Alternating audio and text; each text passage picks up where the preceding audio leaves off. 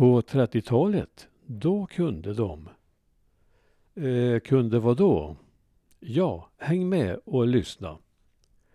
Nya Värmlandstidningen den 12 maj 2018. Jag tänker ofta på vägar och kommunikationer och har berört ämnet i tidigare krönikor. Må hända det har samband med att en broder var vägingenjör och att min far i arbetet som skogsförman ibland stakade ut vägar i samband med rivningar. Jag tänker på hur Nordvärmland skulle ha sett ut om något av de planerade järnvägsbyggena hade blivit verklighet. En planerad järnväg längs Klarälven och en annan från Dalarna till Flisa via Sysslebäck. Säkert hade de betytt ett uppsving för bygden men nästan lika säkert hade de nu varit nedlagda och förvandlade till cykelbanor.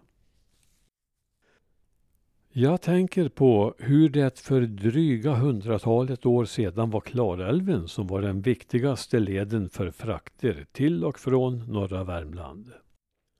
Ångbåtarna hade en kort blomstringstid några decennier runt sekelskiftet 1900 då dessa teknikens underverk hade ersatt de arbetskrävande stakbåtarna. Vintern var annars bästa tiden för tunga transporter. För i gamla dagar var älvisen stark och erbjöd en jämn och slät yta att åka på med häst och släde. Under 1920-talet började lastbilar och bussar konkurrera ut älven som transportled. Ångaren Vingäng slutade sina turer 1926 och Edebäck 1930. Jag tänker på folket på västsidan älven i gamla Dalby socken hur de länge var helt hänvisade till Klarälven för sina transporter.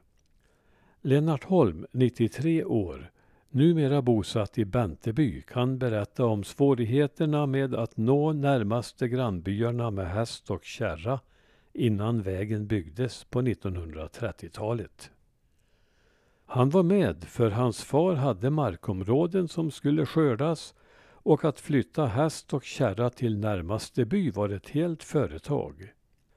För att komma till grannbyn Gällsta i söder måste man anlita färjan över till östsidan och därifrån åka på landsvägen söderut till Kartstjärten där färja fanns för återfärd över älven.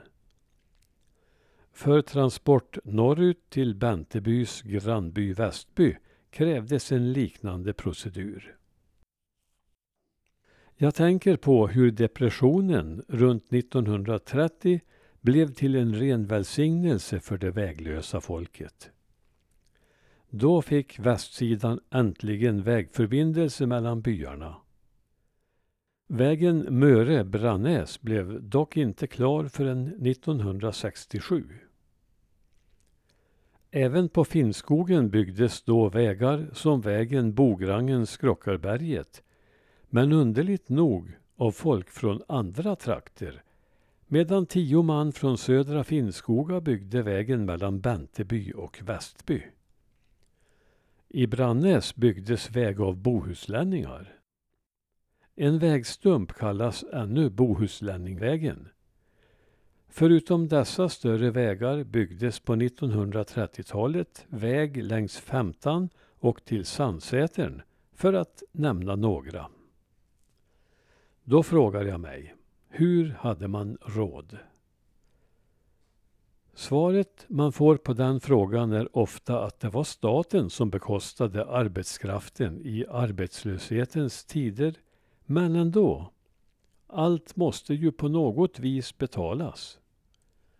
Vägar och broar byggdes för fullt och jag har sett en uppgift om att 700 man var sysselsatta på vägbyggen norr om Ekshärad under AK-arbetenas tid. Jag tänker ofta på denna byggnadsepok när jag åker på väg 62 i norra Värmland, en väg som byggdes på 30-talet för 30-talets trafik. Då kanske ett par postbussar och lika många lastbilar av mycket mindre format än dagens dagligen belastade vägen. För nutida trafik håller den inte måttet vare sig på bredden eller som grund. De flesta lastbilar man möter nu har vänster hjulpar på eller över mittlinjen och vägytan leder tankarna till ett söndertrasat lapptäcke. Jag tänker på det enorma arbete som utfördes av 1930-talets arbetare.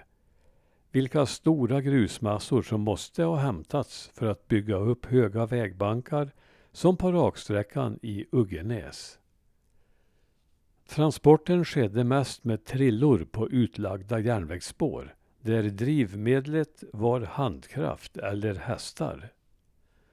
Passager som sluttningen vid Nedergårdsheden krävde stora insatser av såväl grävning som utfyllning.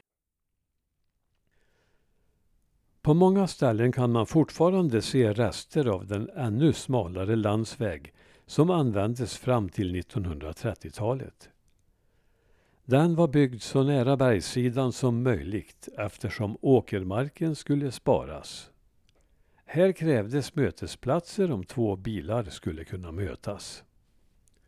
Några sträckor av den gamla vägen används ännu som byväg, till exempel i Uggenäs, i Norra Transtrand och i Ransby där den kallas Gammelvägen.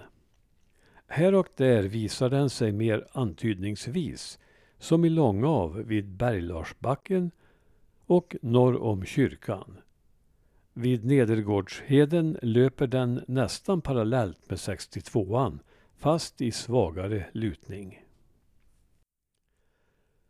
Så går tankarna ibland när jag ser den låga standarden på många vägsträckor på landsbygden.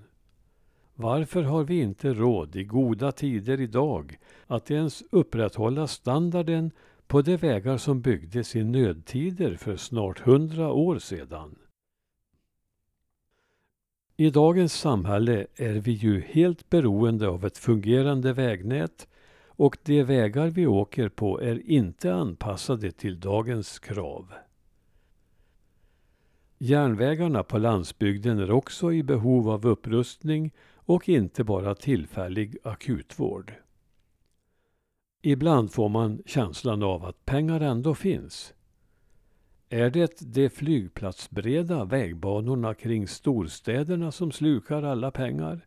Är det till satsningar på snabbtåg mellan storstäderna pengarna ska gå? Är det viktigare än att hela landet får leva? Ja, så tänker jag ibland.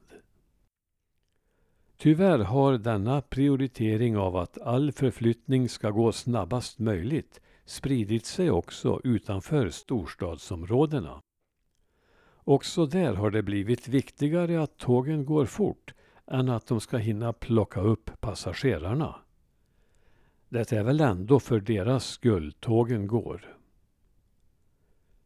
Ja, det finns mycket att fundera på när man färdas på våra lands och järnvägar. Tankarna går gärna till det krisdrabbade 1930-talet. Ska det verkligen behövas en ny depression för att standarden ska höjas på våra vägar?